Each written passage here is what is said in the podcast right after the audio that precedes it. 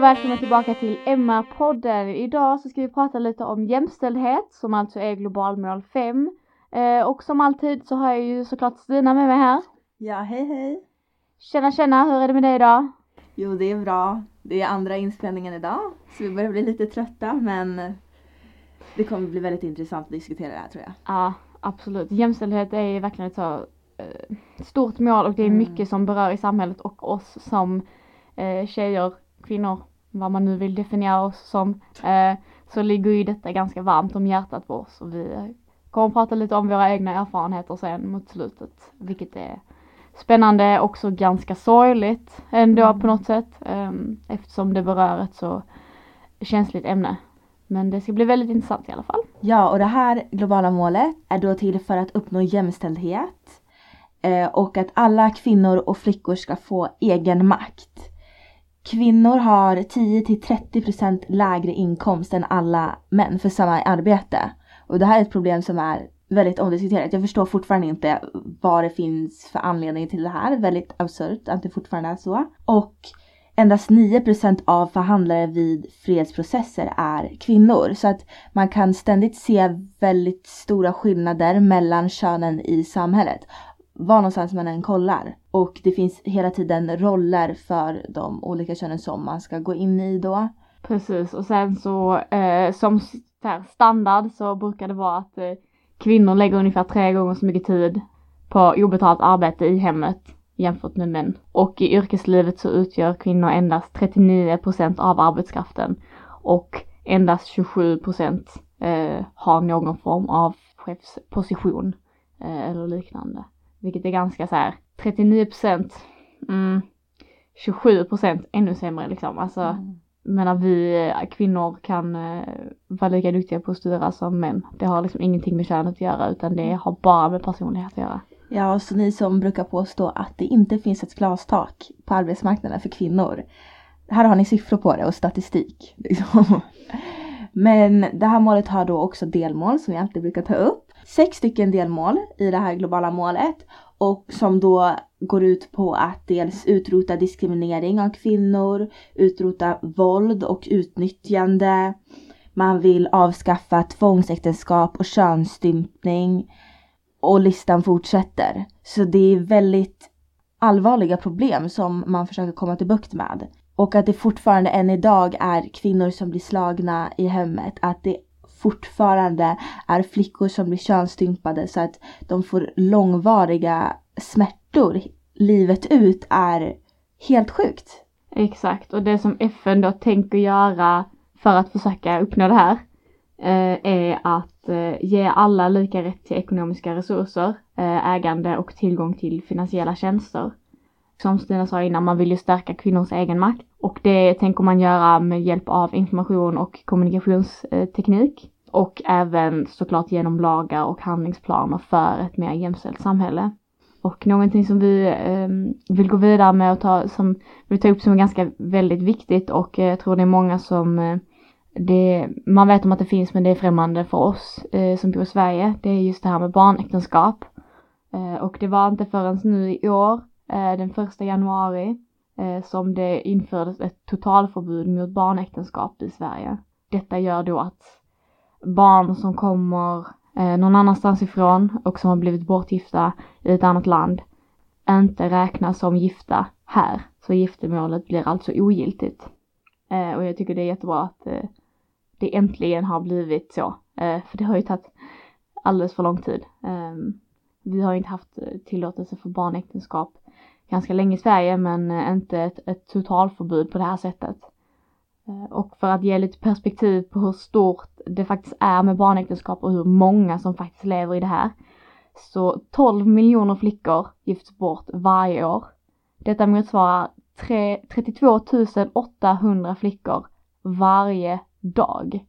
Alltså, herregud, det är så många människor, så många små flickor som är allt från typ så här 8 till 17 som bara gifts bort hit och dit världen över. Och såklart så händer detta också med pojkar, absolut. Men det är mycket, mycket vanligare hos flickor. Om man jämför så är det en av fem flickor som gifts bort medan det bara är en av 30 pojkar. Så skillnaden är ganska stor fortfarande, även om vi tycker det är viktigt att påpeka att det händer pojkar också, så är utsträckningen mycket större för flickor. Nej, men jag tycker bara att det här är ett bevis på att flickor tyvärr ses som ett objekt. Att, och det är oftast till äldre män som kan vara väldigt våldsamma och utsätter dem för sexuella handlingar som de inte är med på.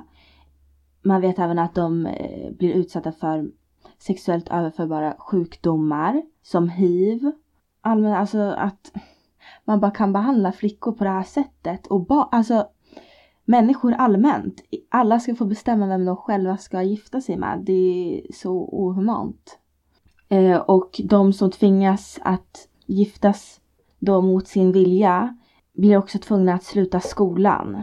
Och deras uppgift blir då istället att ta hand om hemmet. Och det här, ja som vi har pratat om innan, är ju in, vi vet ju konsekvenserna av att inte utbilda sig, att det samhällets utveckling påverkas. Men först och främst kvinnan, för den blir verkligen, den hamnar i en position där den blir beroende av mannen. Och det är det hela tiden att kvinnan tjänar mindre, att kvinnan är hemma och mannen är den som tjänar pengar. Vi, man blir beroende av mannen. Och därför så anser de att de har rätt att styra och ställa och bestämma och sätta reglerna. Det är så jävla typiskt alltså. Det är så, åh, det är så löjligt liksom att det fortfarande är så. Mm. Och hur vissa kan ha som argument att liksom säga Ja men det har alltid varit så, det ligger i historien att eh, män ska bestämma. Man bara nej, det har ingenting med det att göra. Liksom, alltså, vi har utvecklats på ett helt annat sätt. Vi är inte, kvinnor är inte beroende av män på något plan. Vi mm. klarar oss själva. Vi behöver inte ha någon som styr och ställer. Och alltså allmänt, man vet ju att det finns hederskultur i samhället. Även här i Sverige. Och vi lever, alltså det är ett, männen som har makten i samhället.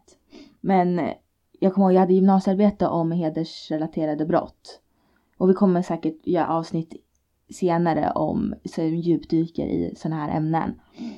Men det är sådana historier som är helt sjuka att man verkligen, har ni hört talas om balkongflickorna? Eller har du? Nej, jag har inte hört talas om det. Alltså, då har de då iscensatt självmord för att de då, de kastar ut sina egna döttrar och alltså systrar och så från balkongerna i hopp om att de ska dö för att de då har smutsat ner familjens heder då. Alltså det är verkligen sådana, alltså läs mer om vilka brott som utförs på grund av att, alltså flickor och tjejer och kvinnor ska vara på ett visst sätt. Man ska inte, alltså det finns regler som man ska följa och om man inte håller sig till de reglerna som är satta av männen, ja, då kommer väldigt, väldigt hårda konsekvenser. Och jag förstår inte att, alltså idag 2019 ska inte det vara ett fritt samhälle där alla individer ska få bestämma över sin egna kropp, få göra det de vill. Det, vi har ju pratat mycket om det också um, när vi pratade här innan just uh, hur det finns sådana krav på kvinnor och eh, tjejer och flickor. Eh, klart det finns krav på, på pojkar och män också, men på lite andra sätt och det finns ju definitivt fler på kvinnor eh, om hur vi ska vara, hur vi ska se ut, vad vi ska tänka, vad vi får säga, vad vi ska göra. Allting blir liksom kontrollerat. Det blir, eh, man ser ju det jättetydligt både inom arbetsmarknaden och inom skolan och så här.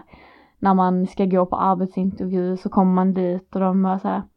Ja, planerar du att skaffa barn inom en, en snar framtid? Vad har det med saken att göra? Det är väl oväsentligt. Det är inte som att du skulle fråga en man det.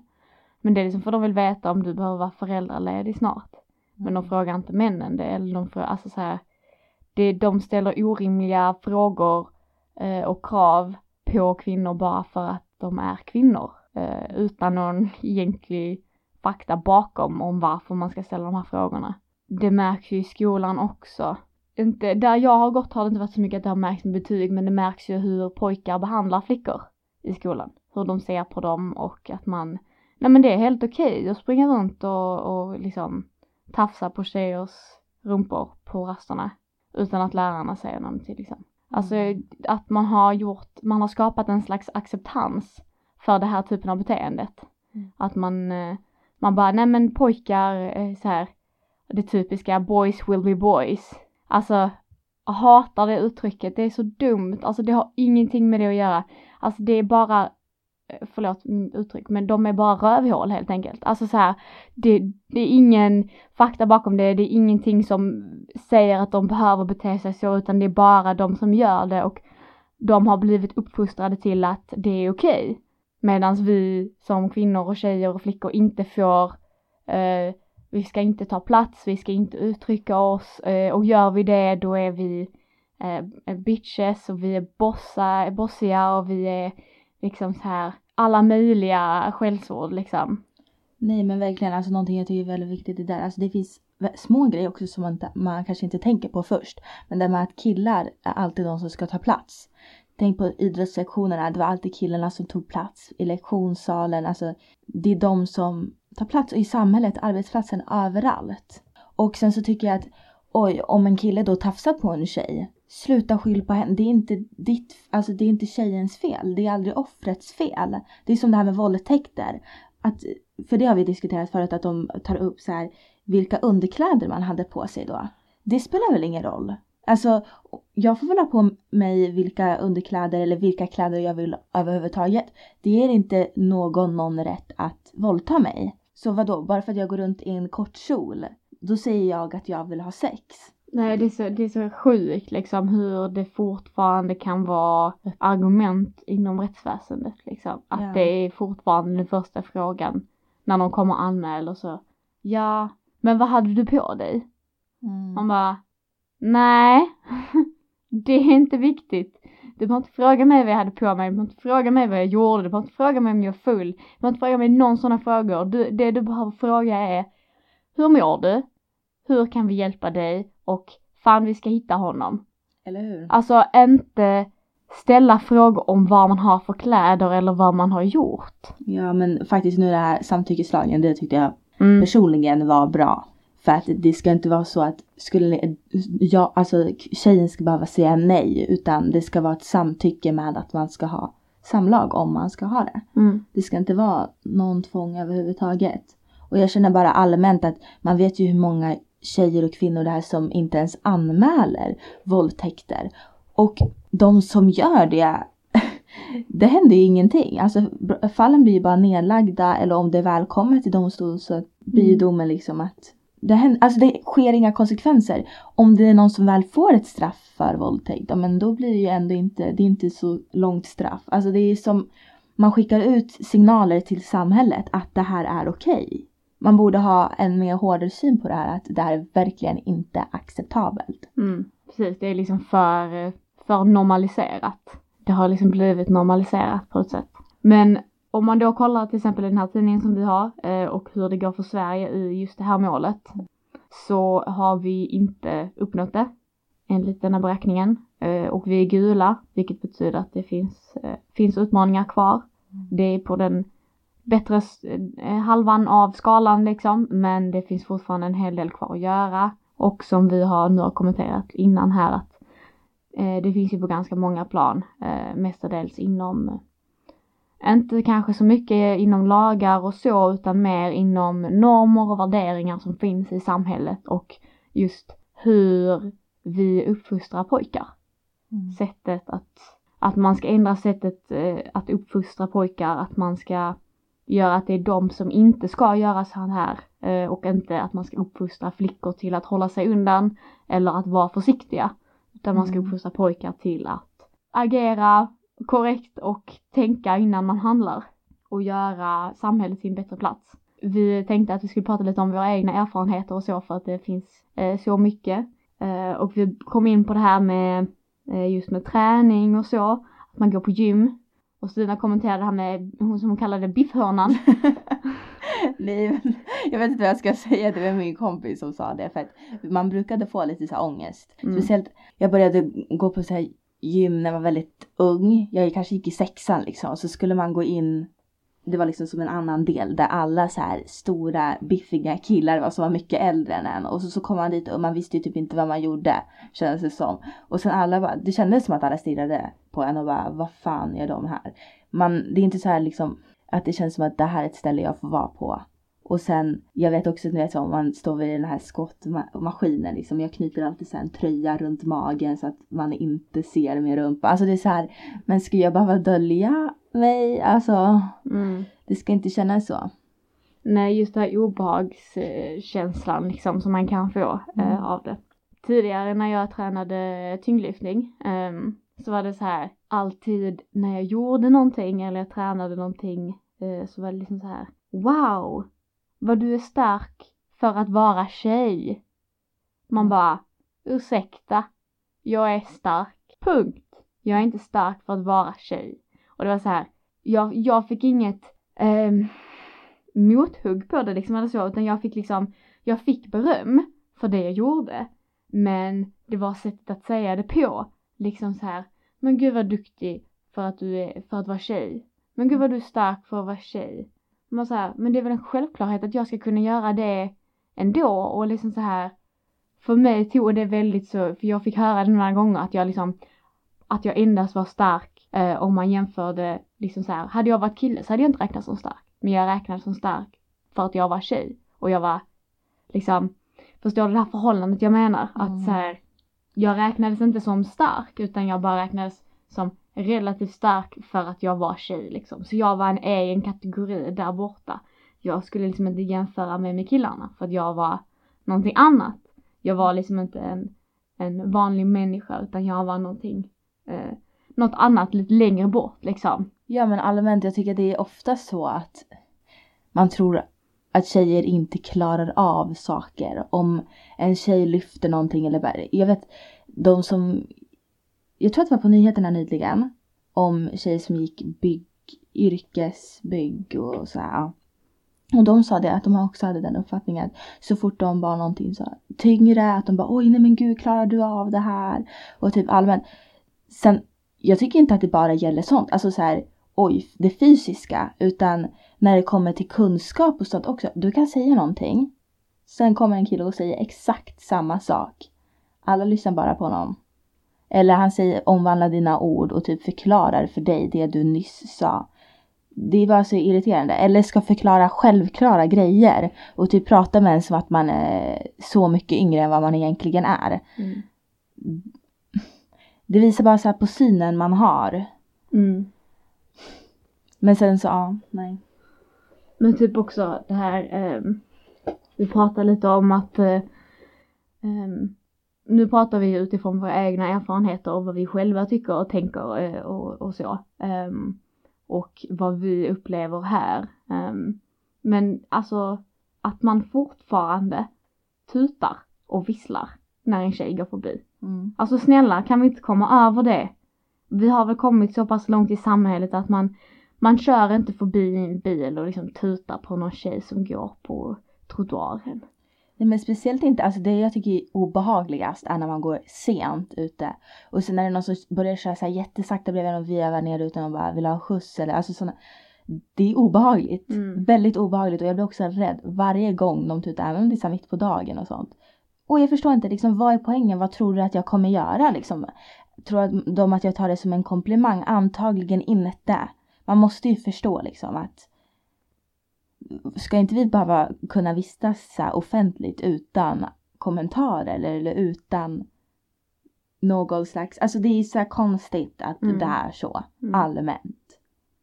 Mm. Ja. Jo men absolut.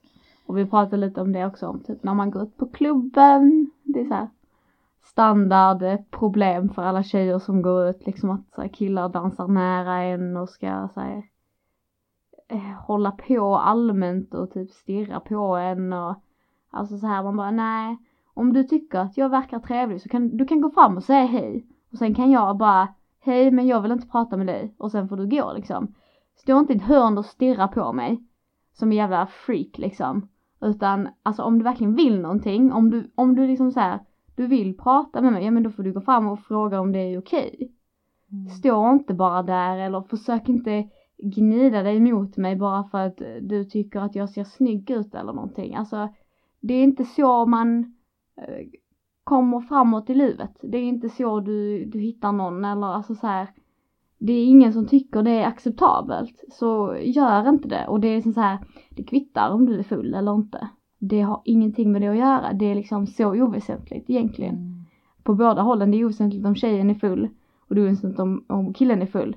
Mm. Alltså det är inte okej att eh, ta på någon eller utnyttja någon annans kropp oavsett.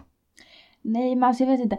Alla de här beteendena tycker jag visar på vilka, vilken syn man har på kvinnan. Jag vet också att i min förra klass eh, så brukade jag försöka diskutera med människor. Eller inte bara i min förra klass utan allmänt så här, killar så som jag stött på och typ så här.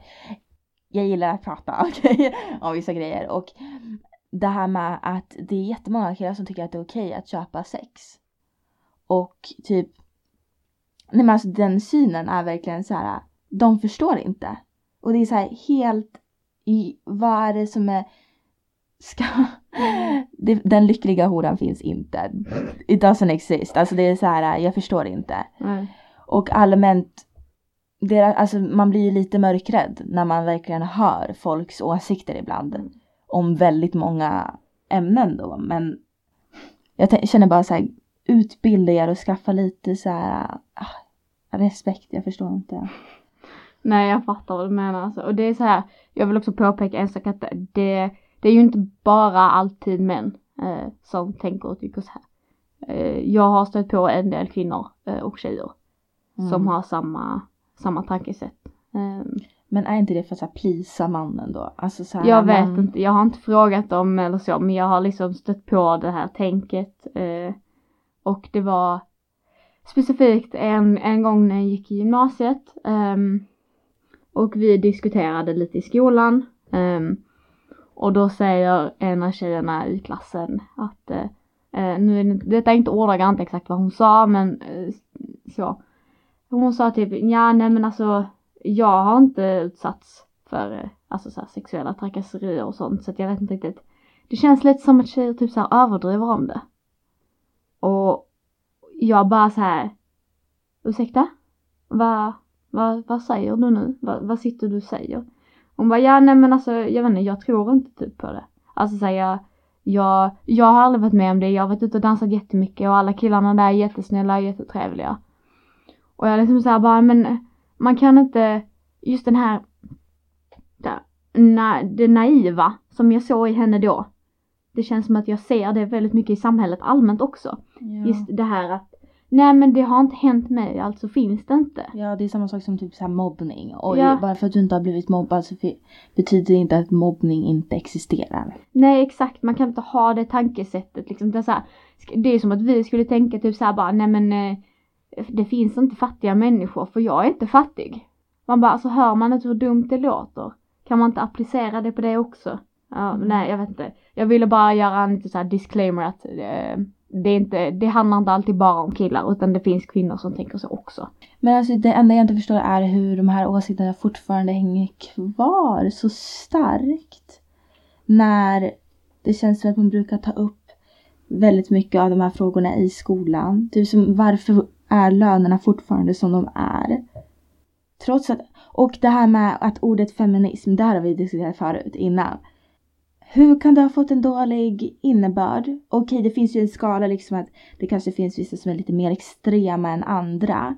Men om man slår upp definitionen, om du verkligen säger att du inte är feministisk, äh, feminism, feminist efter att du har läst det så tycker jag verkligen att du ska börja läsa på mer om skillnaderna mellan kö- könen. Mm, absolut. För det handlar om liksom jämlikhet. Exakt det är det det handlar om. Det handlar om jämlikhet. Det är liksom inte att kvinnor ska ta över eller någonting. För det, det känns som det många är så här, många män som inte har den här synen, de är liksom rädda för att kvinnorna ska ta över. Eh, Så här, ta makten. Man bara nej, men vi vill gärna ha det jämställt. Vi vill gärna ha det liksom jämlikt. Vi vill ha det ordentligt. Vi vill ha samma lön för samma arbete. Vi vill ha bra villkor helt enkelt. Och alltså så svårt behöver det inte vara. Men för att komma tillbaka lite till målet då, vi ska inte babbla för mycket om våra, våra egna eh, tankar och eh, åsikter och så. Ehm, så detta målet eh, som ni hör är ju väldigt viktigt för oss båda två. Vi, eh, vi tänkte vi skulle prata lite om eh, projekt Flicka. Och jag tänkte jag lämnar över det till dig Stina för du är lite expert på det ämnet eh, jämfört med mig. Mm, det vet jag inte riktigt om jag kan påstå. Det tror jag alltid det. Eh, men projekt Flicka är då som, det är som projekt Skolmat, projekt Mina och projekt Flicka. Det är FNs, FN-föreningen i Sveriges projekt i olika länder som de skickar bistånd och sånt till. Man kan skänka pengar, vi kan lägga upp våra swishnummer till de här olika på vår Instagram sen. Så håll utkik efter det. Men man vill då förhindra barnäktenskap och könsstympning och då har man fokus på Afar som ligger i Etiopien. Och det man vill göra i det här projektet är då att man vill sprida information om det här. Man ger kvinnorna kunskap om könsstympning och deras konsekvenser. Det finns faktiskt en video uppe på FNs hemsida som man kan kolla eh, om det här projektet och då berättar kvinnorna också om hur det var att innan hade, visste de inte om vilka konsekvenser könsstympning ledde till. Att man fick smärtor livet ut, att när man sen eh, under förlossning att det blir många problem helt enkelt. Det är en lång lista om varför man inte ska könsstympa sig. Men så det är ju verkligen någon nyckeln till att lösa problemet är verkligen kunskap om det här och att ge de offren kunskap om sina rättigheter så att de kan ställa krav. Och ännu viktigare så vill man att personer inom vården och barnmorskor ska få tillräckligt mycket med kunskap och utbildning kring det här. Som vi pratat om innan så vill man ju satsa på utbildning och skola för att eh, undvika barnäktenskap också. Och därför ger det här projektet gratis skol och hygienmaterial till flickor. Så, och det här ökar då deras möjligheter att gå kvar i skolan. Något annat som jag tycker är väldigt bra med projektet är att de ofta arbetar med nyckelpersoner och ja, människor som har hög status i de, det här samhället.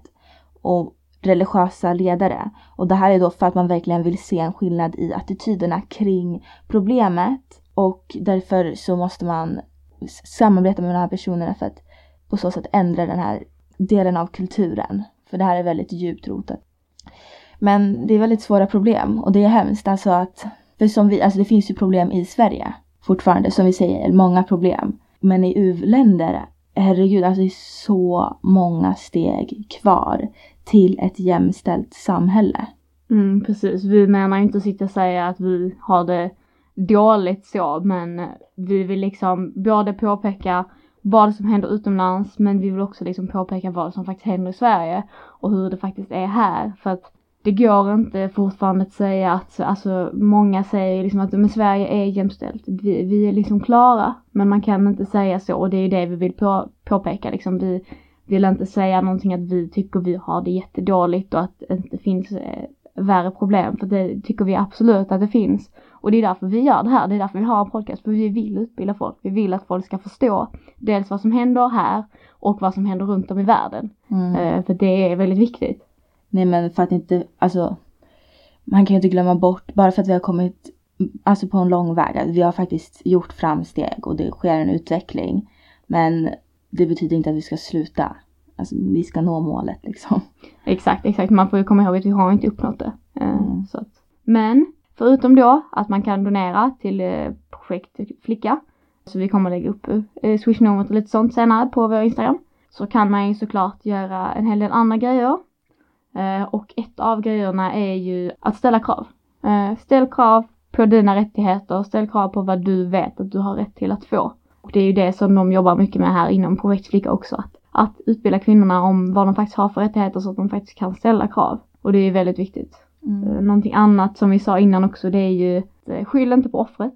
Mm. För att ja, det hörs ju av ordet, det är ett offer, det är inte den personens fel. Nej, men allmänt att reagera också när det händer orättvisor. Vi pratade om det innan att man kan ju se män bli våldsa våldsamma och vissa reagerar inte ens. Det finns väldigt många ställen där det finns moralpoliser. Män som säger till kvinnor hur de ska klä sig, hur de ska se ut, om de får ha smink på sig eller inte, om de är för sexuellt aktiva. Säg till, reagera. Man kan inte acceptera det här beteendet för då blir det normaliserat. Vi alla har en plikt, tycker jag, att försöka skapa ett rättvist samhälle som alla kan leva i och ta del av. Och någonting annat man kan göra också eh, som är lite mer konkret i koppling till FN och så är att man kan eh, bli fadder, eh, antingen inom FN eller inom någon annan organisation och så, men Ja, att man blir eh, fadder åt en, en utsatt flicka för att eh, ge henne bättre möjligheter eh, Mm. och förutsättningar inför framtiden. Så det tycker jag verkligen är, det är en fin sak man kan göra och det finns, man kan ju bli fadder för, eh, för så mycket. Eh, Mhm. Men jag tror just att bli fadder för eh, utsatta eh, flickor är en bra investering om man nu vill ha eh, det för att jag tror att det ger mycket.